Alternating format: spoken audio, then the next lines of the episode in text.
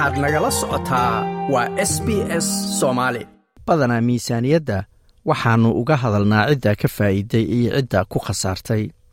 Marka maxaa uga soo baxay bulshooyinka dhaqamada kala duwan ee dalkan australia? Khasnajiga federaalka jim chalmers ayaa soo bandhigay miisaaniyadda labada kun iyo labaatan iyo saddexda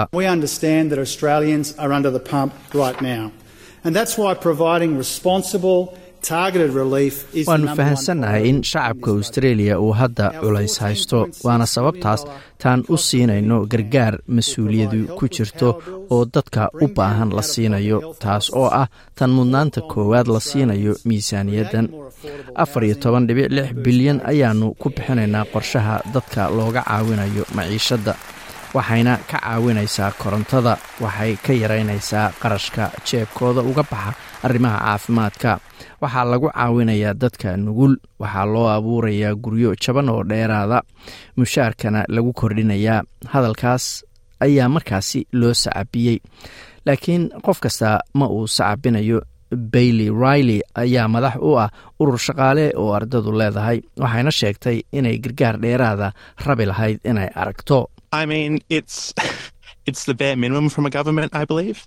Um, the 15% increase I've promised equals about 31. waxaan qabaa in dowladdu ay bixinayso wixii ugu yaraa ee ay bixin kartay kordhinta gargaarka kirada oo shan iyo toban boqolkiiba ay ballan qaaday waxay u dhigantaa soddon iyo kow doolar labadii toddobaadba taasoo aad uga yar korarka kirooyinka magaalada waaweyn ee sannadkan waxaannu ognahay in kirada magaalooyinka waaweyn sida sydney oo kale ay kordheen labaatan soddon ama afartan boqolkiiba.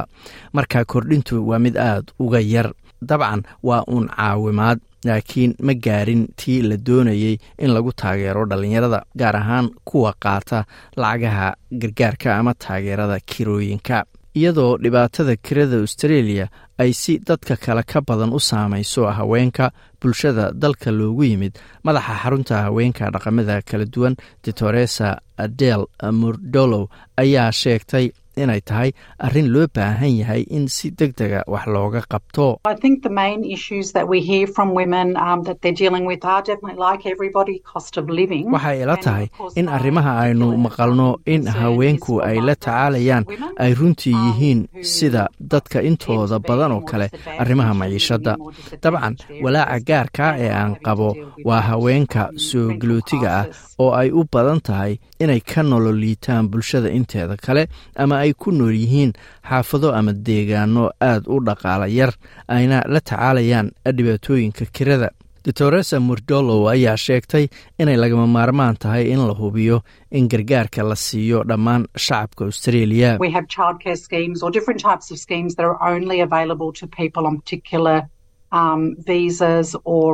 waxaa jira nidaamyada xanaanaynta carruurta oo kala duwan oo ay heli karaan oo keliya dadka haysta fiisooyin gaara ama dadka deganaanshaha ku leh dalkan australia. waxaase australia ku nool dad ka badan hal milyan oo fiisooyin kumeel gaara haysta. Laakiin dalka ku noolaa sannado badan oo halkan degan caruurna halkan ay ugu dhasheen oo barnaamijyadaas intooda badan aan xaq u lahayn. Dowladda ayaa qarash gaara u qoondaysay xoojinta nidaamka socdaalka oo ay sheegtay inay khafiifinayso dhibaatooyinka yaraanta shaqaale xirfad leh ee dalka iyo in la dhiso shaqaale tayo leh oo dheeraada.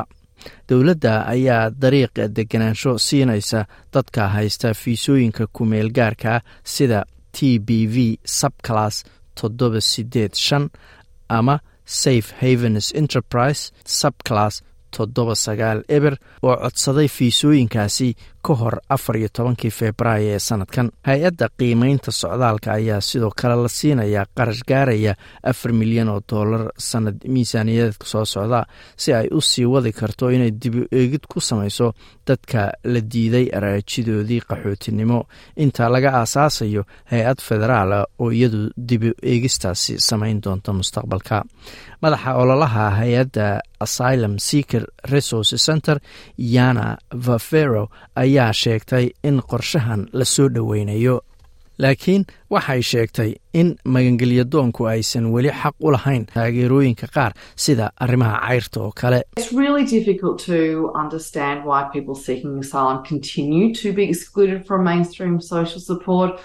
Runtii way adag tahay in la fahmo sababta magangelyadoonka loogu diidayo gargaarka cayrta. Waa fahansannahay in hadda ay jirto dhibaatooyin la xiriira maciishadda. Laakiin waxaanu ka hadlaynaa dad magangelyadoona oo bulshadeenna ku dhex nool nala shaqeeya dariskeenna ah oo go'aanno dowladeed oo xusbiyadu ay ka midaysan yihiin awgeed lagu khasbay faqri iyo saboolnimo.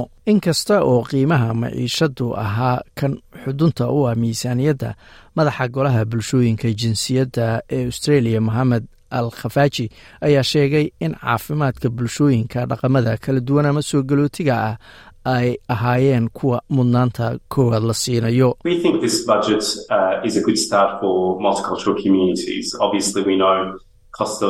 Waxaan qabnaa in miisaaniyaddan ay bilow fiican u tahay bulshooyinka dhaqamada kala duwan. dabcan waanu ognahay in qorshayaasha gargaarka maciishadu ay runtii aad muhiim ugu yihiin dhammaan shacabka austareeliya waxaanu qabnaa in qorshayaashaas ay sidoo kale saameynayaan bulshooyinka dhaqamada kala duwan. Laakiin sanduuqa caafimaadka dhaqamada kala duwan oo mudnaanta koowaad u ah bulshooyinkeenna waxaanu soo dhoweyneynaa dhowr qorshe oo miisaaniyadda ku jira. Waxaan aaminsannahay inuu bilow fiican yahay waana rabnaa inaannu dowladda kala shaqayno sidii loo hubin lahaa in dowladdu ay gargaar dheeraada siiso bulshooyinka dhaqamada kala duwan ayuu yidhi. Maxamed al khafaaji ayaa sidoo kale sheegay in dowladda federaalka ay iyada oo aan shaacin joojisay wixii loo yaqaanay multicultural health connectline oo ah adeeg luqadaha aan ingiliishka ahayn ku bixi jiray oo dadku ay wici jireen si loo siiyo macluumaad ku saabsanaa covid kii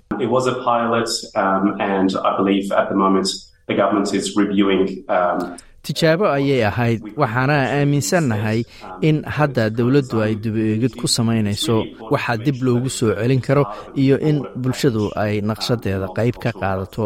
Runtiina waa lagama maarmaan in la hubiyo inay qayb ka tahay sanduuqa ballaaran ee caafimaadka dadka soo galootiga ayuu yidhi. Laga bilaabo bisha sebtembar ee sanadkanna bukaanka qaba xanuunada aan bixin sida kuwa sokorta iyo kuwo kale ayaa heli doona daawooyin jaban dr jamers ayaa sheegay in dowladda federaalka ay ku maalgelinayso labo dhibic labo bilyan oo dollar oo kur loogu qaadayo sidii loo heli lahaa daawooyin nolol bedelid ah iyada oo la isticmaalayo nidaamka daawooyinka jaban ee b b s ka loo yaqaano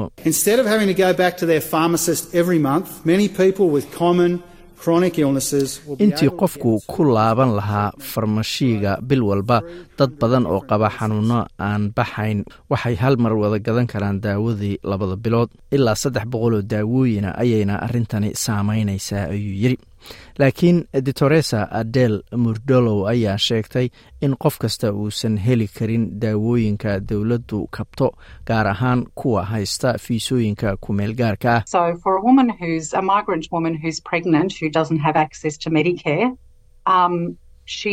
marka haweenay soo galooti ah oo uur leh oo aan haysan medicare ma booqanayso dhakhaatiirta baara haweenka uur kale. waxay dhaqaalaysanaysaa lacagta oo mar kasta ma booqan karto dhakhtarka. waxay baajisaa daaweynta iyo xanaanaynta ee wakhtiga loo qabtay. Saameyn xun ayayna ku yeelanaysaa ugu dambeynta hooyada iyo ilmaheedaba. marka aad baan u jeclaan lahayn inaan helno daawooyin jaban. bulshooyinka dalka loogu yimid ayaa sidoo kale fili kara boqolaal milyan oo dollar oo lagu bixinayo sidii loo soo xiri lahaa farqiga nololeed ee u dhexeeya bulshooyinka indigeneska iyo bulshaweynta australia. Inkasta oo lacagahan intooda badan ay yihiin kuwo hore loo loogu dhawaaqay. Dowladda ayaa ballan qaaday inay sameynayso hay'ado cod oo goboladu leeyihiin iyadoo australia ay isu diyaarinayso inay u codeyso aftida codka qaran dhammaadka sanadkan laybarka ayaa sheegay inay isu miisaamayaan inay dadka dhaqaale ahaan u gargaaraan iyo inay isku dayaan in sicir bararku hoos u dhaco. Like aas la wadaag wax ka dheh lana soco barta facebooka ee sb s